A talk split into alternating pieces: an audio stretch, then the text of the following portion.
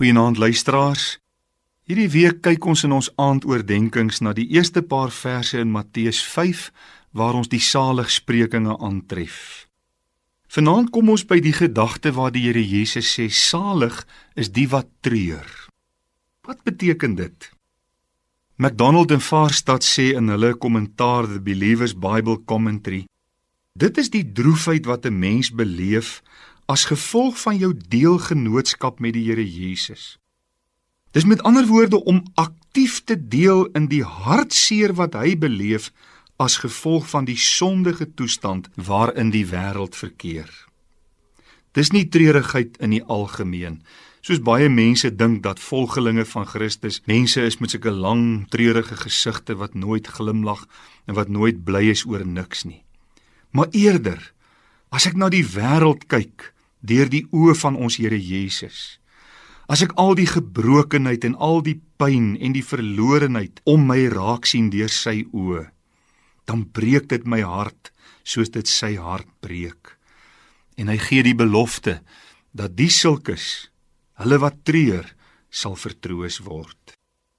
Die derde saligspreking sê hy: Salig is die sagmoediges.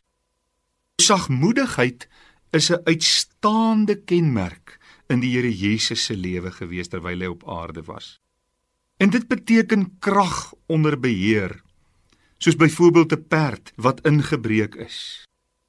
In Matteus 11 vers 29 en 30 sê Jesus self: "Neem my juk op julle en leer van my, want ek is sagmoedig en nederig van hart."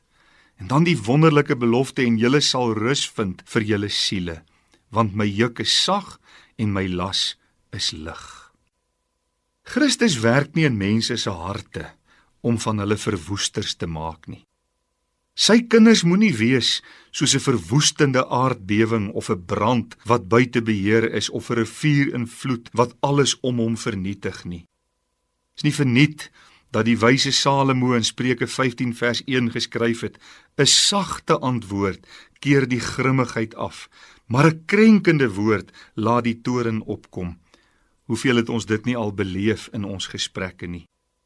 Die ou kommentator Matthew Henry beskryf die sagmoediges as diegene wat hulle in stilte geheel en al aan God onderwerp, aan sy woord en aan sy septer wat sy aanwysings getrou navolg en wat hulle onderwerp aan God se wil en saggeaard gentle is met alle mense